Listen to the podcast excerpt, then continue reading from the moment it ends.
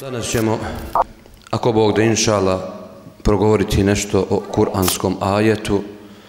To je ujedno i kuransko pravilo gdje uzvišeni Allah subhanahu wa ta'ala kaže وَمَنْ يُؤْمِنْ بِاللَّهِ يَهْدِ قَلْبَهِ Ako vjeruje u Allaha subhanahu wa ta'ala, pa Allah će njegovo srce uputiti, Allah će njegovo srce usmjeriti, Allah će njegovo srce učvrstiti.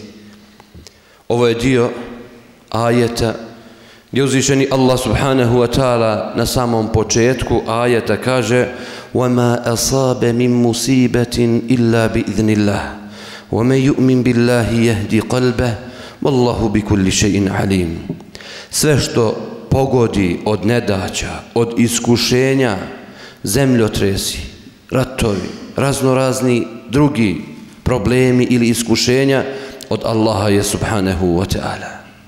A onaj koji bude vjerovao, Allah će mu dati uputu.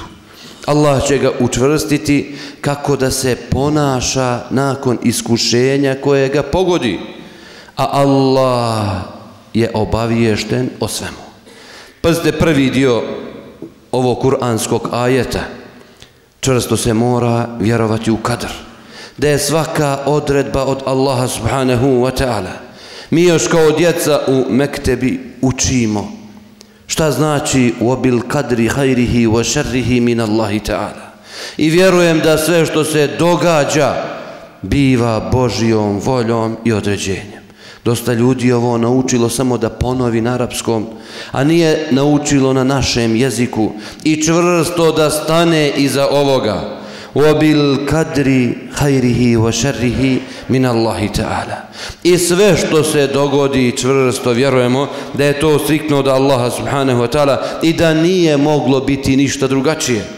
Jedan velikan, ashab, drug Allahovog poslanika, Ubadat ibn Samit, savjetuje svoga sina i kaže, o sine moj, nećeš osjetiti slast vjerovanja, nećeš osjetiti slast Islama, nećeš osjetiti slast vjere, sve dok ti ne bude isto i dok ne budeš čvrsto znao da sve što te je pogodilo nije te moglo mimo ići, a što te je mimo išlo nije te moglo pogoditi.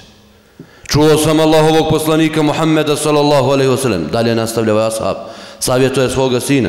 Čuo sam Allahovog poslanika Muhammeda sallallahu alaihi wasallam kad je rekao prvo što je Allah stvorio jeste pero. Pa je rekao peru, kalem, piši. Pa kaže pero gospodaru šta da pišem? Šta da pišem? Pero se predalo Allahu subhanahu wa ta'ala, čeka na redbu Allahovu subhanahu wa ta'ala.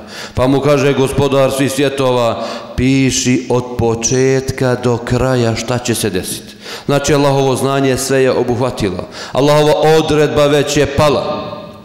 Piši sve od početka do kraja šta će se desiti. Pa kaže dalje ovaj asab svome sinu.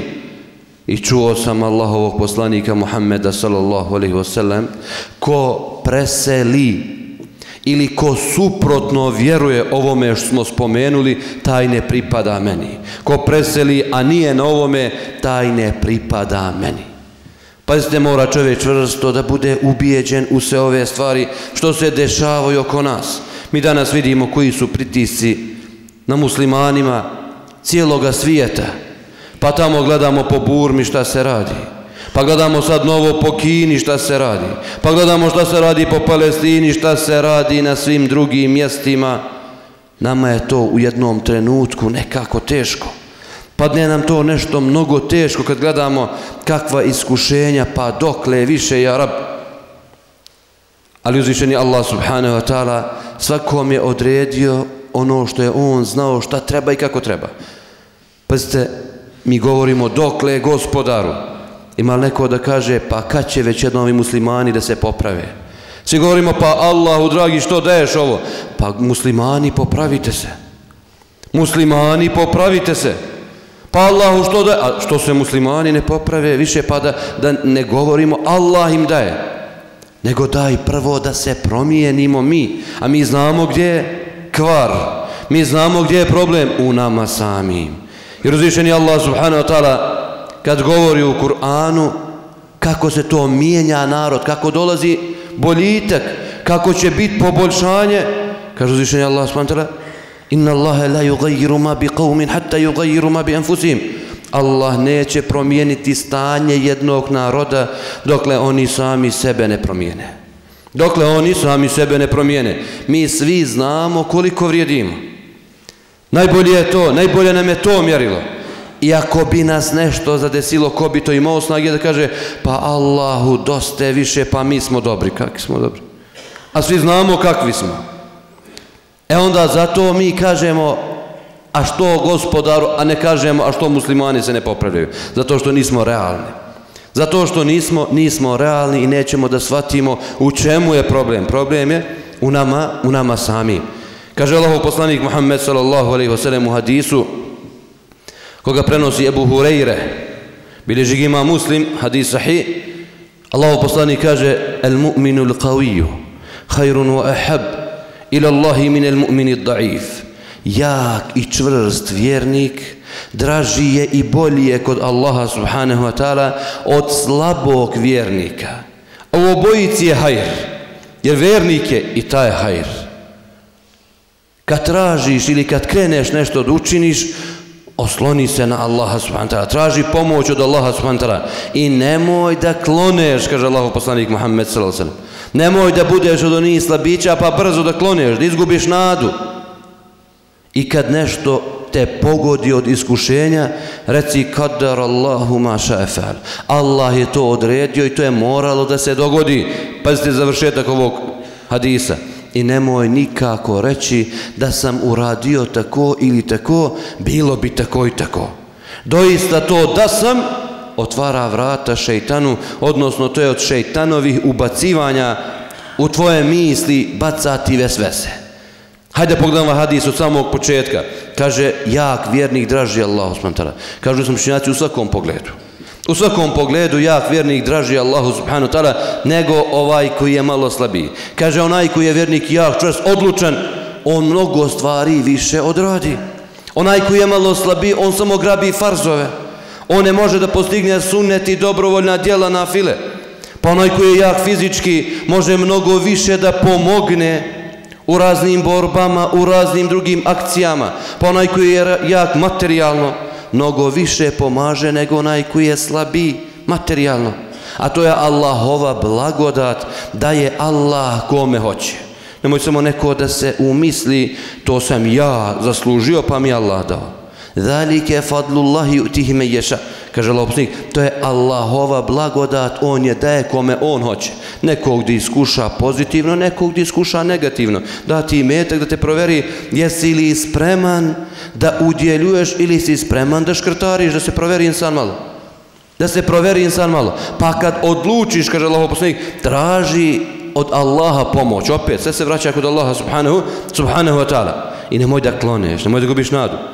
A ako te pogodi nešto što je loše ili nešto što nisi očekivao, onda iskreno, istinski reci Qadar Allahu ma efel. Allah odredio, Allah do da se dogodi. Ne mogu da promijenim u tome ništa. Isto ako ovaj hadis gore koji smo malo čas, malo čas pomenuli. I nemoj nakon toga da budeš tužen. Pa imaju ljudi koji su tužni stotinama hiljada godina, nažalost. A što je Adem u rodu čini to i to, pa ga je Allah izveo iz dženeta.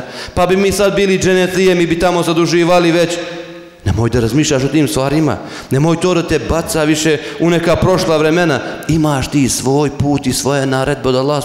Drži se toga. Nekad nisi zaradio, trebao si da zaradiš. Za malo zaradi, ne znam, 100.000 eura, ode mi. Aj, da sam uradio ovako, zaradio bi. I on više seo i samo ići, aj, da sam ovako aj, ajde radi batali više, aj, idemo dalje.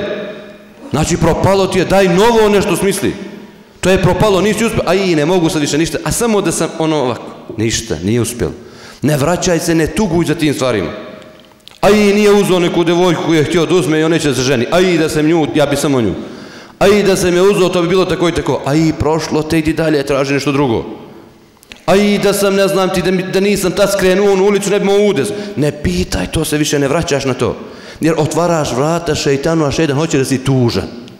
Pazite, tuga je mnogo opasna stvar. Prvo krene tuga pa patao razmišljanje, pa onda depresija, pa čovjek padne izgubi, izgubi što kažu smisao za životom. Zbog čega? Zato što se vraća u prošlost. Kaže, negativci su oni koji se vraćaju nazad. Možeš da uzmeš pouku samo pouka je, da, ne da tugujem, a tu sam napravio grešku. Vraćam se, ponovo krećem. Kaže Napoleon u nekim svojim borbama, desilo mu se da je izgubio borbu. I povukao se, pobegao. Sklonio se, kaže, negdje i on već klonuo. A stoji gdje je bio, ko što znate, da neći vojsko vođa. I pobegao, sklonio se. Pa gleda, kaže, dok je sklonio se, gleda mrava. Mrav jednom da iznese teret, ona mu teret padne, mrav se vrati. Pa ponovo, pa ponovo, pa ponovo. Kaže, desetak puta dok ne prođe preko prepreke mrav i ode. I on kaže, vojci, skači. Šta je? Skači. Izgubili smo jednu, ali ima pokušaja, vraćamo se. Vidio sam šta mrav radi za jedan trun koji mora da prenese na desetine pokušaja, a mi jednom palio ćemo da klonemo. Nema, nastavljamo dalje. Pa je opet nastavio sa svojim, sa svojim osvajanjem. I kažemo, vjernik ne smije da se, da se znači vraća ratuguje, nego mora da uzme, da uzme povuku u tome, to je ono što mu je, što mu je dobro. Kaže uzvišnji Allah spantara, Rabbuke jahluku ma ješa'u jahtar. Tvoj gospodar stvara što hoće i radi što hoće. I radi što hoće. Jahluku ma ješa o jahtar. Stvara što hoće i on bira kako on subhanahu wa ta'ala hoće. Tu čovjeka se preda, ovo je sve od mog gospodara, ja ne mogu dalje. Ali do mene da uradim to, to, to i onda nabraja šta treba on sam da uradi.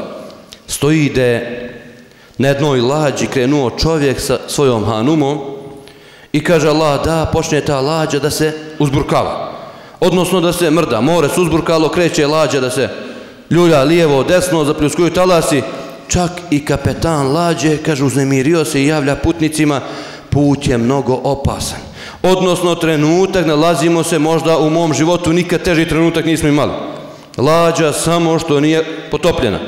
Kaže, čovjek sedi u jednu čošu tamo, zikri, uči, žena nije mogla više da trpi, došla po čovjeka i počela da viče, ti nisi normalan, svi su uzbudili ti. I kaže, čovjek uzima nož i stavlja stavljaju pod grlo. I kaže, te strao dvoga ovoga noža? Kaže, no makni mi to bre, kako me strao tebe, nije me strao. A, što te nije strao? Kaže, pa ja sam sigurno u tebe, ja te volim, ja sam sigurno u tebe, ti mene voliš, nećeš me uništiti, nećeš mu biti. Kaže, ja sam siguran u moga gospodara, svi svjetova. Ja sam siguran u Allaha subhanahu wa ta'ala. Ako bude odredba da ovdje potonemo završeno, što bi se ja tome sad paničio? Ako mi dođe smrt, završeno A ja sam se oslonio na njega jer ja ne mogu ništa da skačem po lađi, još više da je uzburkavam. Ja sedim na moje mesto, vi skačite, radite što ćete. Hoće da kaže, kad je insan siguran u odredbu Allahovu smrtara, smrt nema druge, ne može da vrištiš, da mati vrištenje, smrt došlo, za vrištiš, šta ćeš, promijenit ćeš, otiš je melek, plašćeš ga. Nećeš ga sigurno. Ne možeš ništa da promijeniš. Osloniš se na Allaha subhanahu wa ta'ala čvrsto i čeka šta će uzvišeni Allah subhanahu wa ta'ala nakon toga, nakon toga da, da odredi. Sva iskušenja su od Allaha subhanahu wa ta'ala. Ko nam je najbolji ugled ili ko nam je najbolji da, ga, da se ugledamo na njega jeste Muhammed sallallahu alaihi sallam. Sve što nas danas pogađa, pogađalo je Muhammed sallallahu alaihi sallam i mnogo više od toga. Pazite, prvo spominjemo smrt. Smrt je nekako najviše iskušenje kad ti neko ode drag iz porodice, za koga nisi očekivao, neka ti ode mlad roditelj, neka ti ode dijete, nekad ode hanuma, nekad roditelj, što kažu i to su trenuci kad je i star i dijete, svakako teška situacija. Međutim, insan mora s tim da se pomiri. I to kako da se pomiri? Brzo da se pomiri, da ne pada u očaj, pa kasnije da se čupa iz toga što je pao. Nego odmah da zna određene stvari. Muhammed s.a.v. kaže, sinovi, njegovi sinovi, muška djeca, godinu dana, godinu i po i kaže preselila bi deca. Pa neka malo više dostignu pa presele. Pa su mušrici počeli da se ismijavaju na račun njegov što su mu preselila muška djeca. Pa govore, evo ta njegov Bog ga ne voli, uzima mu djecu mušku, ne da mu da ostane iza njega porod. Hoće da ga uništi. Pazite onda to sve sluša Allah poslanik. Djeca i dubu liga srce za to. Dio njegove džegerice odlazi, a još priče koje se dopunjuju sa strana. Pa mu objavljuje uzvišnji Allah s.w.t. Inna a'tajna kel kevthar, fasalli li rabbike vanhar, inne šani eke huel abtar. Mi smo ti dali kevthar Muhammede. Najbolji izvor, najbolje vrijelo koje će čekat vjernike na onome svijetu. Fazalli li rabbike vanhar. Pa klanjaj svome gospodaru, obavljaj namaz i kurban koli po nekim mišljenjima kako se to tefsiri ovaj dio kuranskog ajeta, odnosno ovaj ajet.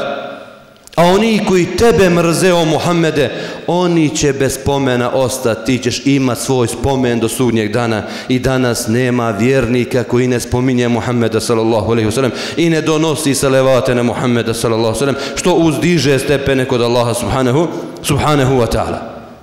A htjeli su, odnosno kažem odmah, pa ako je neko kod nas ili ko nas zadesi, molimo Allah s.w.t. da sačuva iskušenja koja ne možemo podnijeti. Zadesi nas neko teško iskušenje da se sjetimo pa Muhammed kao najbolji Allahov rob imao je ta teška iskušenja. Nisu ni njega mašila. S druge strane, kad se dogodi bolest, pa ima ljudi koji su mnogo bili bolesni od nas, Ejub alaihi selam. Za njega spominje da mu se koža, tijelo raspadalo u komate, pa je saborio i dozivao pomoć od Allaha subhanahu wa ta'ala.